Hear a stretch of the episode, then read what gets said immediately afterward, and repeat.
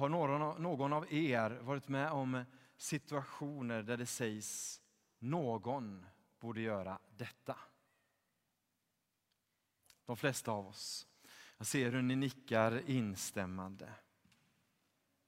När den frågan sägs, eller när det påståendet sägs, någon borde göra detta, så brukar det resultera i att ingen gör någonting. Alla tänker att det är någon annan som ska agera. Helgens tema, söndagens tema, är samhällsansvar. Ibland kan ordet samhälle kännas abstrakt. Och vi har lätt att var och en av oss säga det är samhällets ansvar för att undvika ett personligt engagemang. Det är samhällets ansvar att ta hand om det. Men samhället består faktiskt av dig och mig. I Bibelns första bok säger Kain till Gud, har jag ansvar för min bror? Hur ska jag kunna veta vad han är? Det underförstådda svaret är ja. Du har ansvar för din bror. Du har ansvar för din medmänniska. Vi har ett ansvar för vår omgivning, för vårt samhälle, vårt klimat. I dagens gammaltestamentliga text förmedlas en hälsning till det judiska folket. Och vi ser i texten både en praktisk och en andlig dimension. Samma dubbla perspektiv ser vi återkommande i Bibeln. Ett perspektiv som handlar om aktivt engagemang i den här världen. Ett perspektiv som handlar om ett framtidshopp. Gud uppmanar sitt folk att bygga, att plantera och att på ett praktiskt sätt verka för stadens bästa. Men det stannar inte där. Guds folk ska också be för staden. Och några ord fastnar hos mig i dagens gammaltestamentliga text. Det är när Gud säger, gör allt för att er stad ska blomstra. Och nu känner jag att jag måste dricka lite vatten, så vi suger på den meningen så länge. Gör allt för att er stad ska blomstra.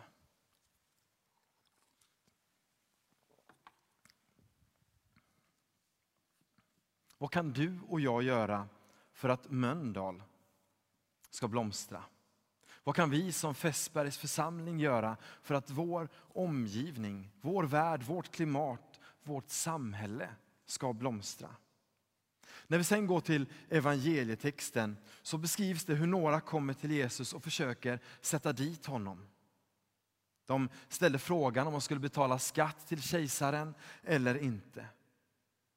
Om Jesus hade svarat nej, betala inte skatt till kejsaren, då hade de anklagat honom för att göra uppror. Om Jesus hade svarat betala skatt till kejsaren, då hade han blivit anklagad för att inte vara en riktig jude utan för att vara lojal mot kejsaren och ockupationsmakten.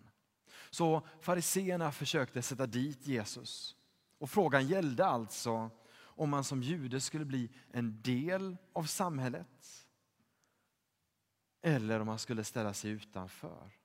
Frågan kan ställas till dig och mig. Ska vi vara en del av samhället som Guds folk eller ska vi ställa oss utanför? Skulle man delta i samhället med att köpa och sälja och på andra sätt använda sig av det som den romerska staten stod för? Fariseerna de kom till Jesus och ville sätta honom på prov. Och De ville själva ställa sig utanför och inte se sitt ansvar i det samhälle de var en del av. Hycklare, svarar Jesus. Och varför kallar han dem för hycklare? Jo, det visar sig att när han ber dem om ett mynt så har de ett mynt på sig. Och ett sånt använder man för att betala skatt. Och när de då räcker över en denar så visar de att de egentligen besvarat frågan även för sin egen del. För på den denaren finns kejsarens bild. Och går man omkring med kejsaren på myntet man har i fickan, då är man inne i systemet. Man är en del av samhället, även det romerska samhället. Man deltar ju i handel, man köper och säljer med det romerska myntet. Och då finns det inte längre någon anledning till att vägra betala skatt. Alltså att ge kejsaren det som tillhör kejsaren. Så vi ska ge kejsaren det som tillhör kejsaren, men också Gud det som tillhör Gud, säger Jesus. Vad tillhör då Gud? Denaren var präglad med kejsarens bild, därför tillhörde den kejsaren. Och du och jag, vems bild är vi? Jo, du och jag är Guds avbild.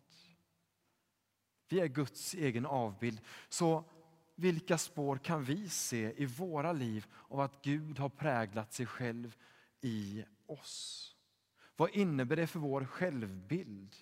Vad innebär det för ditt och mitt sätt att leva? Likt myntet hade kejsarens bild på sig så bär du och jag Guds bild i oss. Ge det som tillhör Gud till Gud, säger Jesus. Och samma uppmaning gäller dig och mig, likt den gällde fariseerna. Du har Guds bild inom dig. Den är visserligen skadad av syndafallet, men hela vårt kristna liv har som mål att den avbilden mer och mer ska likna urbilden. Och när vi lever i gemenskap med Gud så sker just det. Som Guds avbilder så är det vår uppgift att göra vad vi kan för vårt samhälle och för vår omgivning. För att vårt samhälle och vår omgivning ska blomstra. För att klimatet och världen ska blomstra. Det finns inte någon annan borde. För du och jag är en del av samhället. Vi är Guds avbilder. Och på Kains fråga, har jag ansvar för min bror? Så ekar historiens svar, ja, vi har ansvar för varandra. Och en forskare vid namn Julie Gottman forskade på parrelationer. Och hon undersökte vilka parrelationer håller länge. Hon och hennes man upptäckte någonting som de kallade för BIDS, bud. Och beskrev det på det här sättet. Att om en man säger till sin fru, kolla vilken vacker fågel det är på utsidan så är det inte bara så att den här mannen kommenterar själva fågeln. Utan han sänder ut någonting som efterfrågar någon form av respons från sin fru. Ett tecken på att det finns intresse och att det finns stöd i vardagen. Och Det finns då en förhoppning i det här korta lätta uttalandet Titta vilken vacker fågel, eller titta vilken vacker byggnad, titta så vädret är. I det här korta uttalandet så finns det där en förhoppning om connection, att man kopplar samman. Om än bara för en liten stund. Och Det visade sig i Gottmans forskning att de par som höll i längden var par som var väldigt duktiga på att möta upp varandra i de här bidsen, de här korta mötena. Att lägga märke till den andres försök till kontakt och möta det försöket. Så vad har detta med min predikan att göra? Jo, jag tänker mig att den här typen av kontakt sker på fler sätt. Jag tänker mig att vi har ett samhälle, en värld, ett klimat och en omgivning som ständigt sänder ut små signaler till oss som församling för att liksom se, är kyrkan relevant? Har jag kyrkans och kristendomens uppmärksamhet? Har kristendomen någonting att säga till mig? Är kyrkan intresserad av sin omgivning och värld? Vad gör kyrkan och Fässbergs församling för skillnad i sin omgivning? Små bids, små typer av connection. Du och jag, vi har som Guds avbilder möjlighet att göra skillnad här. Så låt oss ta fasta på Guds ord, att göra allt för att världen och samhället och omgivningen runt oss ska blomstra.